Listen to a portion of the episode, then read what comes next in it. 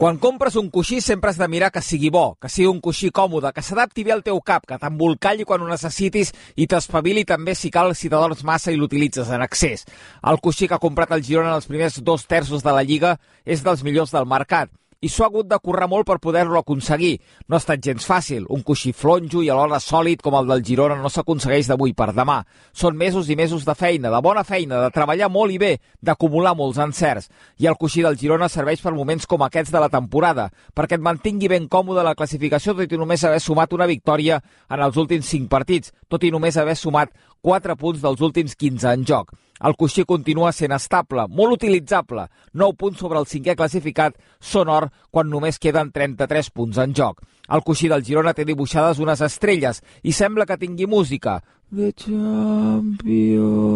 Tractem-lo bé durant 3 mesos més i després ja farem una guerra de coixins per celebrar-ho.